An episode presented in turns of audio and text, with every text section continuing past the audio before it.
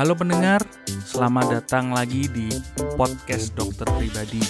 Selamat datang buat Anda yang baru pertama kali mendengarkan podcast kami.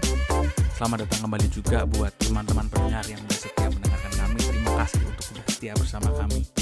Nah, di sesi kali ini kita melanjutkan dari sesi sebelumnya di mana kita sudah ngobrol dengan Dr. Bonita Raharja soal ASI, soal. Nah, ada request nih sebenarnya dari dari pendengar-pendengar yang ibu-ibu, orang tua. Setelah ASI ini kan ada lanjutannya. Sempat kemarin disinggung sedikit soal uh, MPASI, makanan pendamping ASI. Nah, di sesi kali ini kita ditemani oleh Dr. Winda Yanuarni Meye, MSc SPA. Halo dokter. Halo. Bagaimana kabarnya nih? Iya, puji Tuhan baik. Wah ini baru pertama loh, baru baru pertama nih siaran podcast jadi agak deg-degan dikit nih. Oh, tapi kan biasanya udah sering siaran di radio dok, kan nggak ada bedanya kayaknya. Iya, udah beberapa kali, cuma nggak tahu deg-degan aja nih, pengalaman baru tapi keren-keren. Nah, dokter, jadi di episode di sesi kami yang minggu lalu, kami itu sempat ngobrol soal ASI. Mm -hmm. Karena kita juga menyadari pentingnya edukasi soal uh, pentingnya ASI, kemudian juga menghadapi mitos-mitos soal soal pemberian ASI juga dok, terutama kepada ibu iya, kan. Betul. Nah, kemudian muncul pertanyaan soal MPASI dok, makanan pendamping ASI, gitu. Nah karena eh, seperti kita ketahui kan ada fase di mana bisa dikatakan ASI ini perlu ada istilahnya eh, tambahan lah, istilahnya tambahan gizi untuk untuk si anak dalam masa pertumbuhan kan. Nah, sebenarnya yang jadi pertanyaan pertama itu adalah MPASI sendiri itu apa dan kapan sebenarnya dok harus diberikan pada anak-anak ini? Ya, terima kasih Mas Bibi. Uh, untuk MPASI itu kan sebenarnya singkatan ya. Kepanjangannya adalah makanan pendamping ASI. Makanan pendamping ASI nanti kita uh, selanjutnya kita sebut sebagai MPASI, dia ini adalah makanan yang diberikan untuk mencukupi kebutuhan energi dan nutrisi pada anak setelah usia enam bulan. Nah, ini ada ceritanya Mas Didi. Hmm. Jadi tahun 2003 dulu, rekomendasi WHO itu menyebutkan bahwa ASI eksklusif itu cukup empat bulan saja. Oke. Okay. Nah, setelah ada rekomendasi seperti itu, ternyata uh, diteliti juga bahwa berat-berat badan bayi-bayi itu pada anjlok kalau dia hanya diberi ASI eksklusif sampai dengan usia 4 bulan. Sehingga rekomendasi ASI eksklusif sekarang itu sampai usia 6 bulan. Oh. Nah, mengapa MPASI ini perlu menjadi makanan pendamping? Karena kalau kita hitung, wah ini dibuka lagi nih ilmu matematikanya ya. Kalau bayi usia kurang lebih uh, baru lahir ya, hmm. 0 sampai 2 bulan, dia cuma butuh 400 kilokalori per hari. Oke. Okay. Nah, kebutuhan ini udah cukup pakai ASI. Hmm. Hmm. Kebutuhan ini akan naik secara bertahap sampai pada usia 6 bulan kebutuhan kalori yang tadinya sekitar 400 itu jadi 600 kilokalori per hari. Oke. Okay. Jadi kan kebutuhannya naik, naik nih. Uh. Cuma kandungan nutrisi di dalam ASI ini mulai menurun. Hmm. Karena kualitasnya juga sudah mulai turun.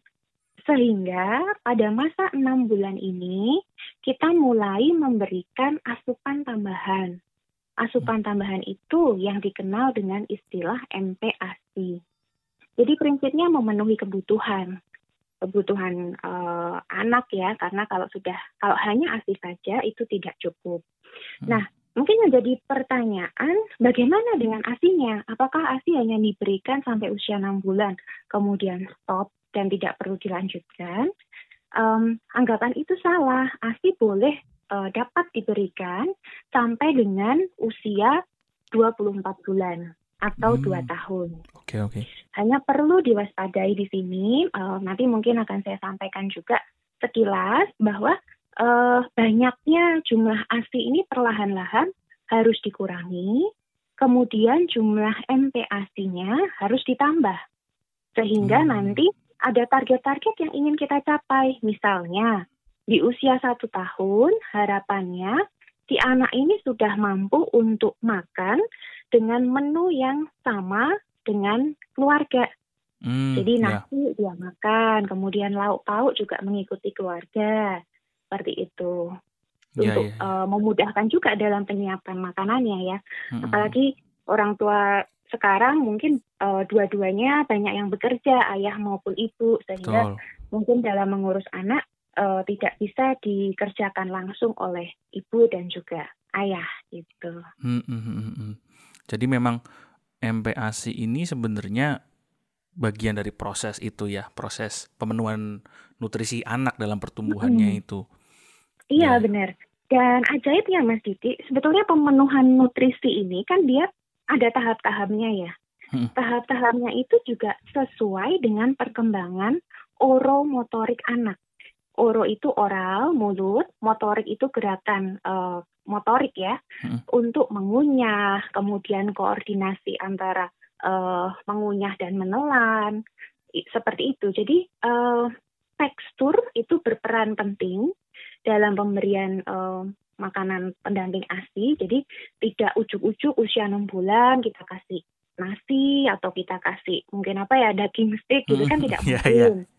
Jadi ada tekstur yang uh, harus kita kerjakan, harus kita patuhi pedoman yang sudah ada itu uh, berdasarkan umur-umur yang uh, ditetapkan. Jadi nanti ada milestone-nya, umur 6 bulan, targetnya apa, kemudian 9, uh, 12, kemudian 12 sampai dengan 24. Seperti itu. Hmm. Mengapa ada um, bulan bulan-bulan yang ditetapkan seperti itu? Karena kalau kita langsung memulai, anak bisa um, istilahnya tidak siap gitu. Hmm, hmm.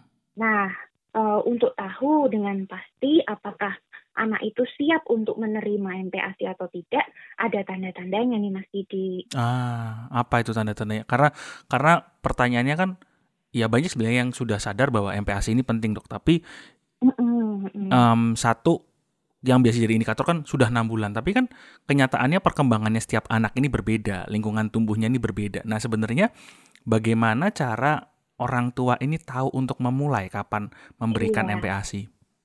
Baik, uh, untuk usia enam bulan, kalau kita bicara bayi yang sehat, bayi yang sehat itu artinya dia tidak uh, selama diperiksakan ke dokter atau dokter spesialis anak, dia tidak pernah mengidap suatu penyakit serius begitu ya. Hmm. Kemudian uh, tidak ada riwayat prematuritas, terus tidak ada kelainan organ-organ vital seperti otak, jantung, paru-paru. Kemudian perkembangannya itu sesuai dengan milestone. Hmm. Milestone yang paling gampang untuk ibu-ibu di rumah bisa buka uh, buku KIA-nya buku hmm, KIA yeah. yang warna pink itu ada uh, milestone untuk bayi. Atau kalau susah, repot pas nggak bawa buku KIA, bisa juga browsing tentang milestone pada anak. Mm-hmm. Nah, kalau uh, ternyata perkembangannya sesuai, kemudian anaknya juga sehat, nggak pernah opnam, riwayat lahirnya baik, langsung nangis, langsung boleh pulang, nggak pernah kejang, nggak pernah ada masalah yang lain, maka kita harus menilai Nah, uh, apa tanda-tandanya? Tanda-tanda secara umum itu ada tiga, Mas Cici. Hmm. Ya, yang pertama kan kita mau ngasih makan anak usia 6 bulan ya. Ya. Harapannya anak itu sudah dapat duduk, udah duduk sendiri, kemudian okay. dia mampu menahan kepalanya dengan tegap. Oh. Jadi kontrol terhadap leher itu sudah bagus kan ada ya uh, beberapa anak dengan kelainan perkembangan ketika dibantu untuk duduk dia bisa tetapi uh, kontrol terhadap kepalanya tuh masih jelek jadi dia nggak bisa tegak masih suka jatuh suka yeah. nunduk ya itu belum siap dia diberi MPASI gitu ya oke okay. kemudian yang kedua uh, anak itu sudah mulai menunjukkan ketertarikan terhadap makanan Oh. Gimana tuh? Jadi misalnya ada orang dewasa makan di dekatnya, dia udah kayak apa sih bahasa Jawanya tuh ngeranggeh-ngeranggeh gitu. Yeah, udah yeah. pengen aja, pengen. udah pengen minta, udah pengen uh, apa namanya uh, makan gitu. Hmm. Jadi ada um, ketertarikan dia terhadap makanan gitu ya. Hmm. Nah, um, tanda lain itu sudah diberikan ASI secara rutin ya dengan jumlah yang cukup, malah kadang-kadang ekstra gitu ya. Biasanya dia katakanlah 10 kali pemberian cukup ini udah di ekstra malam karena rewel karena rewel gitu ya. Hmm. Itu sebetulnya bisa jadi itu merupakan tanda-tanda lapar dan sehingga anak tidak tenang. Sehingga hmm. walaupun sudah diberi ASI secara rutin, dia masih belum cukup gitu. Kayak hmm. ada alarm. Yeah, eh yeah. nutrisi itu harusnya ditambahin nih. Yeah, ya, Soalnya yeah, yeah. ASI aja udah mulai kurang gitu. Hmm. Itu sebetulnya adalah tanda-tanda umum ya. Tanda-tanda spesifik lain, misalnya kalau dicoba disuapin, uh, refleks untuk melepeh. Tahu ya Mas Untuk, mem Jadi, untuk memuntahkan. memuntahkan ya, memuntahkan atau melepeh hmm. makanan itu berkurang. Oh. Jadi uh, kalau kalau misalnya kita ujikan pada anak yang lebih muda, biasanya refleks untuk memuntahkan makanan uh, untuk ekspulsi atau ekstursi makanan itu akan besar. Jadi hmm. begitu dikasih uh, sendok berisi makanan yang lumat, dia kayak nggak tertarik malah menjulurkan lidah gitu. Menjulurkan hmm. lidah artinya dia membuang makanan itu. Itu dia uh, untuk pada bayi-bayi yang muda umumnya kita melihat hal itu. Tetapi ketika usia enam bulan, anak seharusnya refleks untuk menjulurkan lidah dalam arti uh, memuntahkan makanan itu harusnya sudah mulai uh, berkurang dan justru akan ada refleks baru ya atau maaf bukan refleks tapi respon respon baru berupa buka mulut ketika sendok itu didekatkan ah. makanya uh, dulu orang tua kan mungkin nggak kita ingat juga ya ketika kita disuapin itu orang tua suka nyontoin tuh buka mulut ya ah, ah gitu kan iya, iya, iya, iya, terus iya. makanannya masuk ya ternyata ada benernya juga bahwa itu sebetulnya merangsang supaya respon buka mulut si anak itu uh, baik gitu. Hmm, ya ya ya. Berarti se sebenarnya tanda-tanda awalnya itu sangat sangat sangat terlihat ya dok ya selain karena selain fisik juga sebenarnya perilakunya si anak terhadap ya, responnya betul. dia terhadap makanan terus Benar. melihat orang orang makan tuh sudah karena kan kita suka ngeliat kadang anak yang ketika dia udah dikasih asi nih sebenarnya sudah kenyang tapi ketika didudukin bareng papa mamahnya lagi makan kayak kudu pengen minta aja ceritanya ini iya benar jadi ada perilaku psikologis anak yang membuat dia tuh tertarik pada makanan gitu hmm ya ya ya ya dan itu kelihatan sih sebenarnya hmm. dok ya, ya iya ya. dan biasanya feeling feeling mommy nih eh, feeling feeling ibu-ibu nih pada jago nih. Iya, iya, iya. Sehingga ya. biasanya sudah sudah inilah, sudah sudah feeling gitu ya. Ya, udah mulai-mulai nah, godain si mama itu kayak, "Ya, Dek, mau nggak?" gitu. Iya, benar, benar.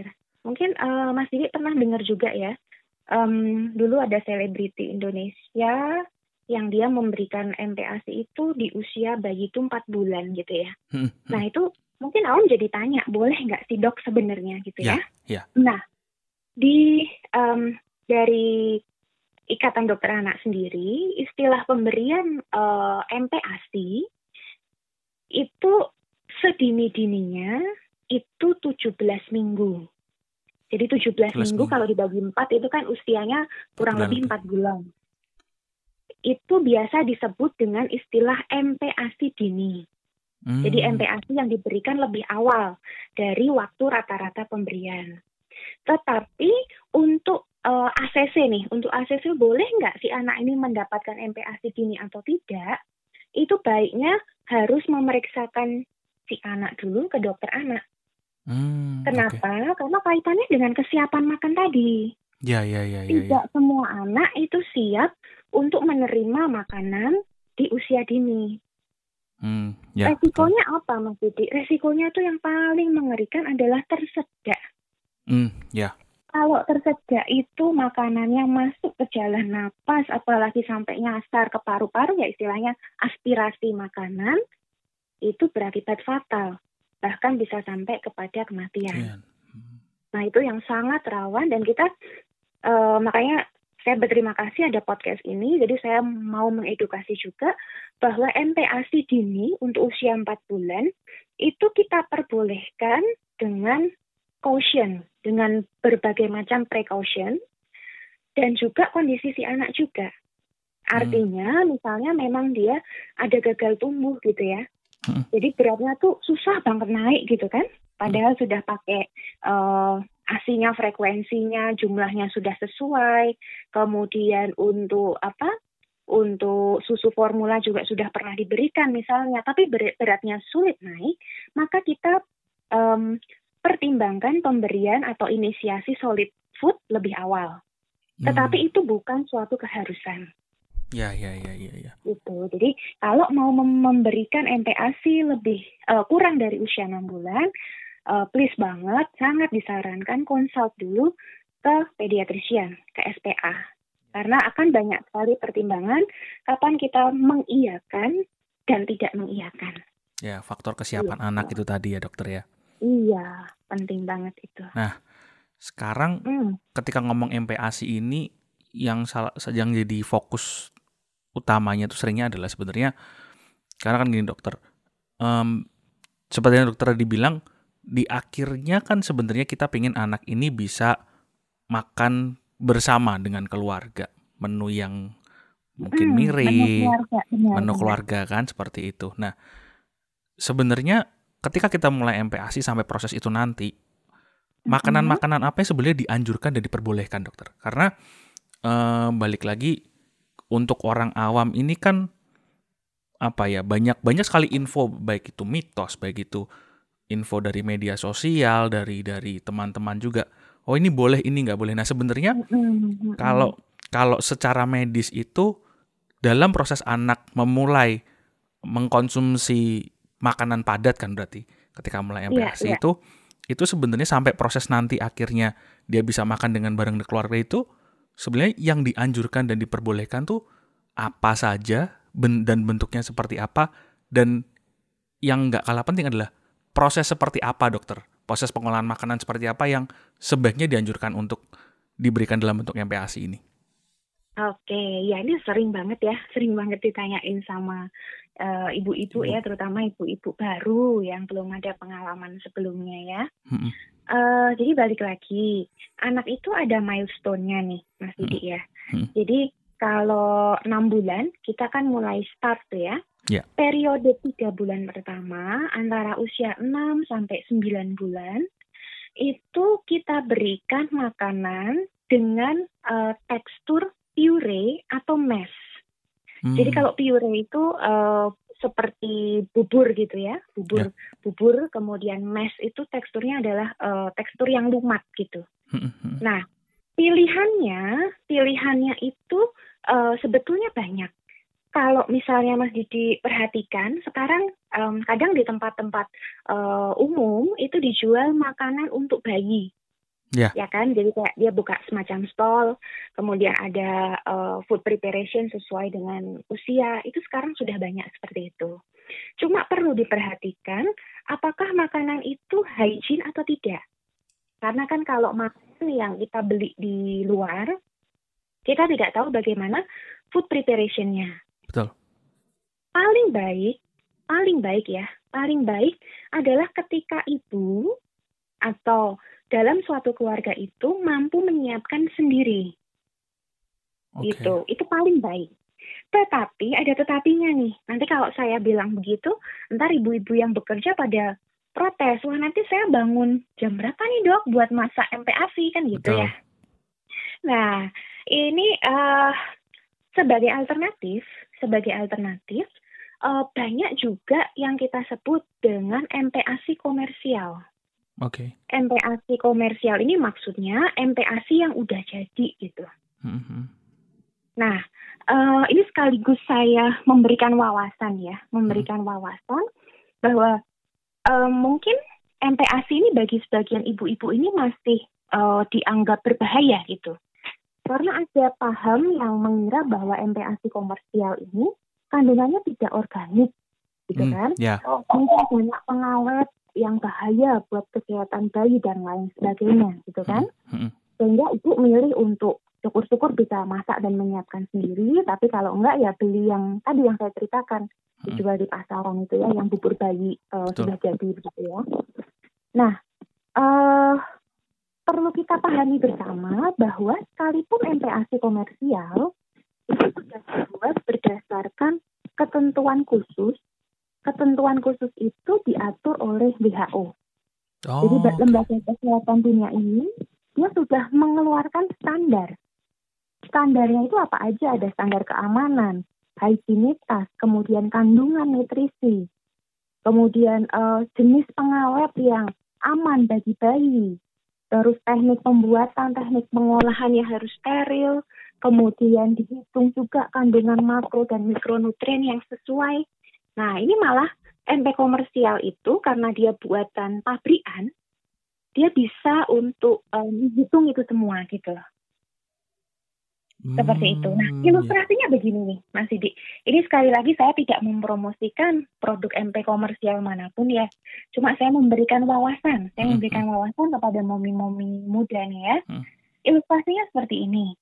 Uh, bayi usia 6 bulan hmm. itu butuh asupan zat besi kurang lebih 11 mg per hari. Kurang okay. lebih ya. Oke. Okay. 6 yeah. bulan. Hmm. 11 mg per hari kalau dia dapat ASI, ASI itu cuma kasih zat besi 2 mg oh. per hari. Seperlima sisanya, sisanya dia harus dapat itu dari MPASI.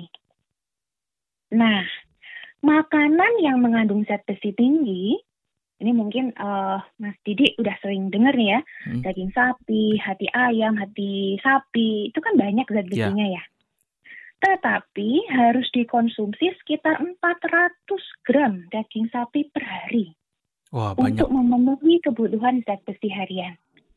Ya, ya, ya. Nah ini bisa bisa masih dibayangkan kan bahwa uh, ya kalau kita mau beneran nih mau beneran counting um, kebutuhan satu demi satu ya kebutuhan makro mikronutrien mineral vitamin segala macam itu bisa stres sendiri betul karena angkanya pasti akan uh, sulit gitu. Mungkin karbohidratnya oke, okay, protein oke, okay, lemak oke, okay. tapi mikronutrien maybe zero atau maybe uh, cukup uh, tapi masih aja ada kurangnya dan lain sebagainya gitu kan.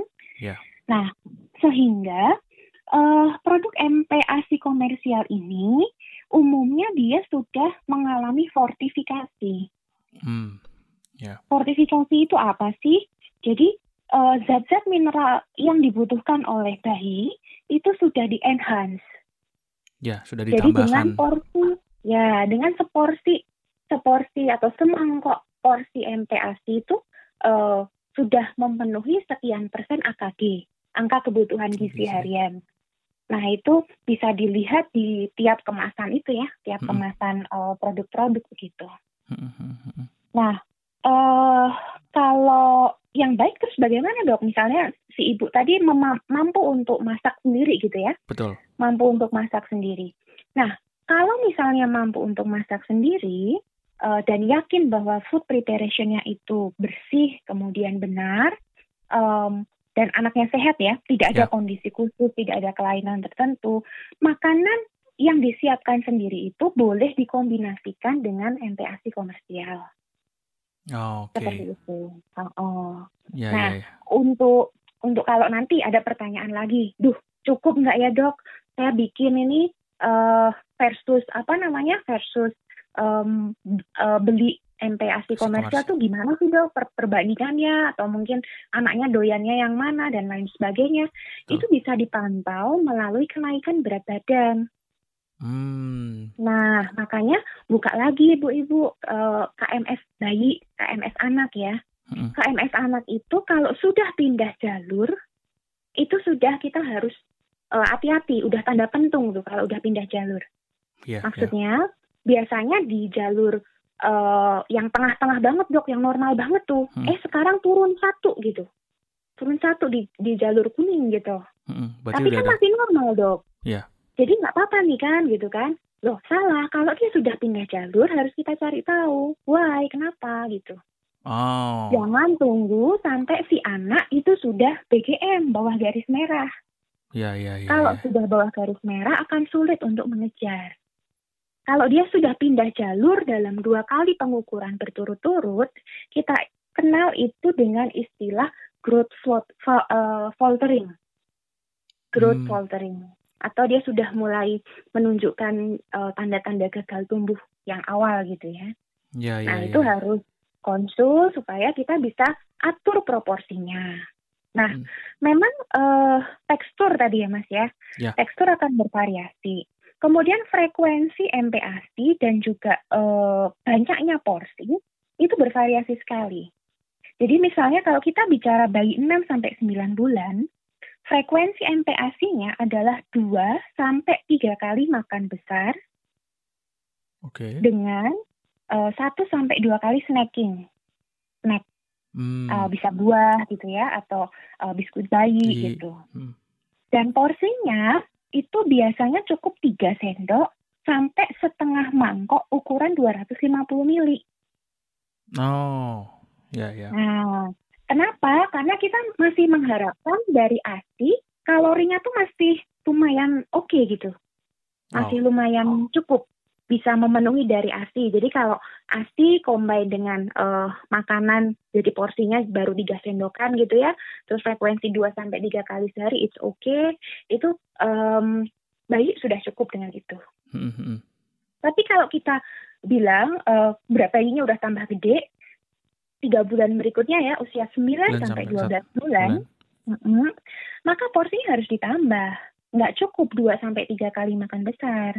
Sekarang butuhnya 3 sampai empat kali makan besar. Makan selingannya boleh 1 sampai dua kali. Kemudian porsinya juga nambah Mas Titi. Tadinya cuma 3 sendok, sekarang ditambahin sampai setengah mangkok ukuran 250 mili. Itu.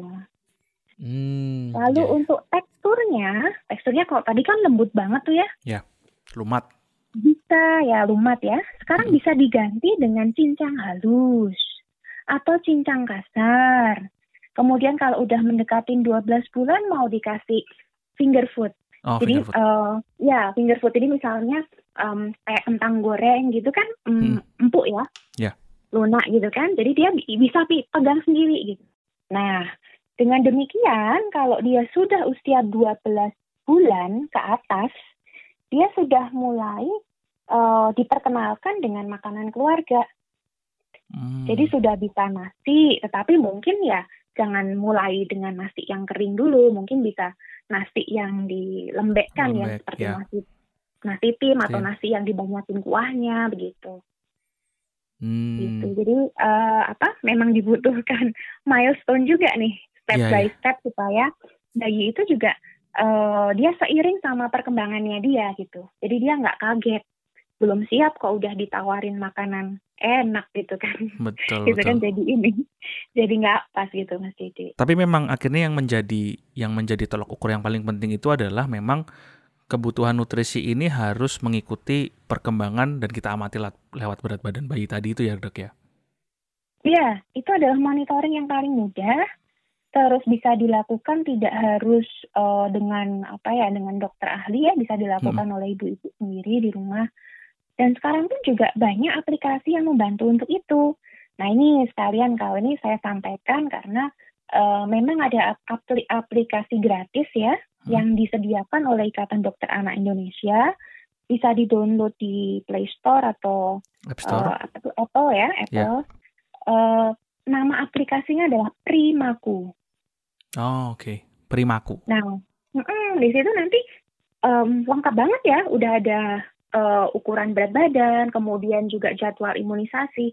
Jadi harapannya sangat-sangat membantu untuk uh, ibu-ibu ya dalam memberikan uh, asupan nutrisi maupun memantau tumbuh kembang buat si anak gitu.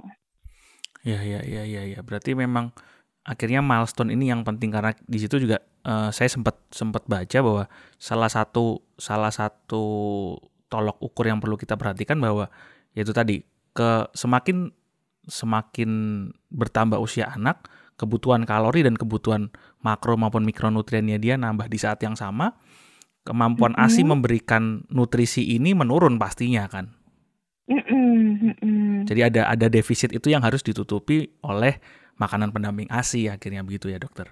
Iya betul. Jadi itu prinsipnya. Goal utamanya itu adalah memenuhi kebutuhan nutrisi gitu ya, untuk ya. si anak gitu ya. Dan hmm. dan membiasakan akhirnya di mana sampai pada titik ketika memang asinya ini selesai anak ini sudah bisa istilahnya mengkonsumsi makanan sehingga nutrisinya tercukupi kan istilahnya gitu ya. Iya, iya. Tadi mungkin yang belum saya sampaikan, uh, pada saat MPASI ini sudah mulai masuk banyak, maka pemberian ASI juga sudah uh, tidak seperti dulu lagi. Kalau dulu bayi kan tiap dua jam dikasih ASI ya kan. Yeah, yeah. Kalau sekarang bisa dikurangi jumlahnya secara bertahap. Um, tanda tanda yang paling mudah adalah melihat apakah anak itu sudah merasa kenyang atau lapar. Hmm. Kalau dia hmm. masih merasa lapar, uh, kalau masih ada ASI, ASI bisa diberikan semau anak atau dengan catatan dengan catatan MPASI targetnya sudah terpenuhi. Atau kalau misalnya ASINya sudah tidak produksi, boleh juga diberikan susu formula sesuai usia dengan frekuensi yang tidak terlalu banyak juga. Jadi uh, bisa hanya diberikan dua sampai tiga kali sehari. Oh, oke. Okay. Susu gitu. formula bisa membantu untuk untuk pemenuhan nutrisinya itu juga ya, dokter ya? Iya, kalau memang ibunya udah nggak bisa ini ya, udah asinya udah nggak keluar gitu kan, kan kita juga uh, kadang variasi itu kan ada ya masih dia ya. Pengennya si ibu anaknya lulus asi eksklusif sampai 2 tahun, tapi ternyata udah produksinya udah sulit atau mungkin uh, beda apa? Aktivitas juga apa, mungkin. Pekerjaan atau yang lain hmm. ya jadi hal-hal seperti itu juga kita antisipasi gitu. Nah, jadi dokter Winda gini, uh, mungkin terakhir, ketika kita ngobrol mm -hmm. soal makanan pendamping ASI ini dari ya orang tua kan juga pasti punya pemikiran ya kebutuhan nutrisi dan sebagainya ada khawatiran-khawatirannya sebenarnya supaya orang tua ini bisa menjalani proses. Orang tua maksud saya selain ibu ayah juga ya. Proses mm -hmm. transisi dari pemberian ASI eksklusif di enam bulan, terus kita ke arah MPASI nantinya sehingga dia benar-benar makan. Ini, gimana sih tips dan triknya supaya orang tua ini bisa menikmati proses itu di saat yang sama anak juga mendapatkan yang terbaik nih dok? Mm -mm, Iya, uh, jadi ini uh, sekalian saya sampaikan juga mungkin kesimpulan dari apa yang sudah kita hmm. bahas ya Mas hmm. ya, hmm. bahwa MPASI ini kan kembali lagi deh, basicnya tujuannya kan dia untuk memenuhi kebutuhan nutrisi. Yeah. Nah, karena sifatnya sebagai pendamping, maka ada periode di mana memang ASI itu masih banyak. Kemudian MPASI baru sedikit. Ini periode awal ya, usia yeah. 6 bulan. Kemudian itu akan e, berbanding terbalik pelan-pelan sampai si anak ini mencapai usia kurang lebih satu tahun. Okay. Perbandingan kasarnya, kalau kita ngomongin perbandingan kasar, pada saat awal-awal kita memperkenalkan MPASI, itu kita hanya perlu memperkenalkan MPASI untuk mencukupi 30% dari kebutuhan nutrisi. Hmm, yeah. Kemudian itu usia kurang lebih usia 6 sampai 9 bulan ya. Hmm. Makanya tadi kan frekuensinya masih dikit tuh, porsinya hmm. juga masih kecil. Kemudian beranjak ke usia 9 sampai 12, nah ini uh, diharapkan perbandingannya sudah naik gitu. Hmm. Antara 50-50 sampai 70 persen. Itu harusnya sudah uh, tercukupi dari uh, pemberian MPASI gitu. Jadi uh, prinsipnya adalah bertahap. Bertahap itu semua semuanya. Dari frekuensi, tekstur, kemudian uh, jumlah porsinya, kemudian usia anaknya sendiri, menyesuaikan terhadap tahap perkembangan oromotor. Oro itu oral, uh, kemampuan mulut untuk mengunyah, kemudian refleks kelan, mengu apa kurang refleks untuk memuntahkan atau melepeh itu tadi, itu dibutuhkan koordinasi yang uh, yang apa, yang balance gitu, yang yeah. yang satu sama lain bisa bisa saling handle gitu ya seimbang untuk MPOP gitu. Mm-hmm. Kemudian untuk pesennya tadi uh, sekaligus juga menegaskan bahwa uh, memang apa yang saya sampaikan itu merupakan panduan secara umum. Artinya tentu banyak sekali variasi-variasi yang terjadi di lapangan. Betul. Variasi itu harus benar-benar memperhatikan kondisi uh, anak karena akan lain kalau anaknya itu bukan anak sehat, maaf misalnya dengan riwayat prematuritas, kemudian mungkin ada kelainan uh, organ vital yang lain ya, uh, dengan riwayat atau gejala-gejala lain yang mengkhawatirkan, misalnya sakit jantung atau kejang atau kelainan fisik yang lain, itu tentu akan berbeda perlakuannya. Nah, uh, bagaimana kita tahu uh, kapan kita boleh menerapkan apa yang saya sampaikan tadi atau tidak bisa menerapkan? Kembali lagi kita harus um, momi-momi harus berkonsultasi dengan pakarnya dengan uh, kalau bisa bertemu dengan dokter spesialis anak supaya paling tidak ada pemeriksaan awal yang uh, memastikan gitu ya memastikan terutama tentang kesiapannya karena kalau belum siap kemudian diberikan, itu akan jadi masalah. Bahkan berisiko sampai ke kematian karena tersedak itu ya yang paling yeah. sekali kita takutkan itu tadi Mas Didi. Yeah.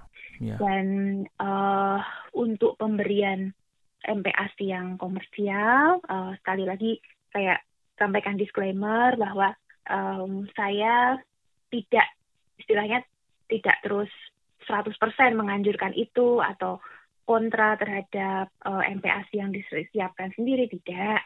Uh, kedua hal itu baik. Kedua hal itu baik asal uh, jumlahnya kemudian cara pemberiannya itu sesuai dengan kebutuhan si anak.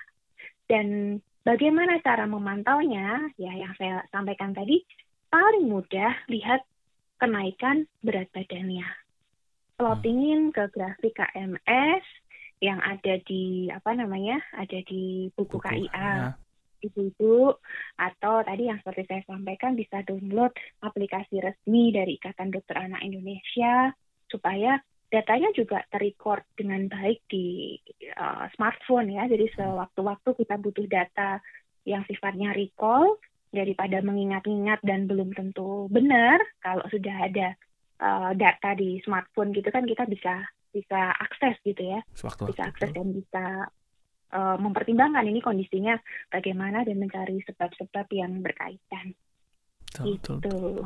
Nah, mungkin ini dokter kalau ada pendengar kita yang pengen ngobrol dengan dokter ada atau ada akun kayak Mami sekarang kan pasti aktif di IG nih. Ada akun Instagram oh, mungkin? Iya benar. Iya dengan senang hati Mas Didi. Uh, untuk Instagram, uh, saya masih jadi satu ya masih jadi satu hmm. sama akun Instagram pribadi itu di @windameyi w i n d a m e y e uh, nanti kalau membutuhkan konsultasi lebih lanjut boleh DM boleh DM kemudian tanya-tanya tetapi uh, sekalian menyampaikan bahwa informasi seperti ini baik dari saya atau mungkin yang mau baca di uh, sosial media atau mungkin di mana di artikel-artikel blog atau kata teman, kata orang tua dan lain sebagainya itu harus lebih hati-hati untuk diterap apalagi ketika kita mau mengaplikasikan kepada anak kita. Ya. Itu karena term and conditionnya itu wih banyak banget ya. Beda-beda. If begini-begini then bla bla bla bla gitu kan. Ya, Jadi ya, ya it it may vary uh, a lot gitu. Jadi nggak bisa sembarangan kita langsung menerapkan info-info yang kita peroleh gitu. Ya, tetap ya, ya. back uh, ke pediatrician, tetap uh, consult ke dokter spesialis anak yang biasa menangani, dan mungkin saran juga kalau bisa sih memang dokter spesialis anaknya tidak akan diganti ya. Ya, biar ada track recordnya supaya, dokter ya. Hmm, supaya apa yang sudah dicatat, historinya itu kan jadi jelas semua ya, biar biar nggak ini biar nggak ada missing link gitu antara periode tertentu dengan periode selanjutnya. Ya ya ya. Kemudian juga gitu. mungkin kalau dokter Winda promosi kita juga jadi buat uh, teman-teman mendengar, mami-mami, misalnya kalau memang ada pengen ngobrol juga sebenarnya dengan karena tim dokter pribadi ini kan banyak dok sebenarnya yang sudah bergabung. Terima kasih buat dokter Winda yang udah bergabung juga jadi narasumber kami. Kalau mau ngobrol-ngobrol juga, terus kemudian kalau ada usulan mungkin ada ada topik-topik soal tumbuh kembang anak yang mau di, dijadikan sesi podcast selanjutnya mengundang dokter Winda lagi juga boleh iya, lewat siap dengan senang hati. Nah, iya. bisa lewat DM kami di jadi kami ada Instagram juga dok di at dokterpribadi.official. Jadi di at dokterpribadi.official.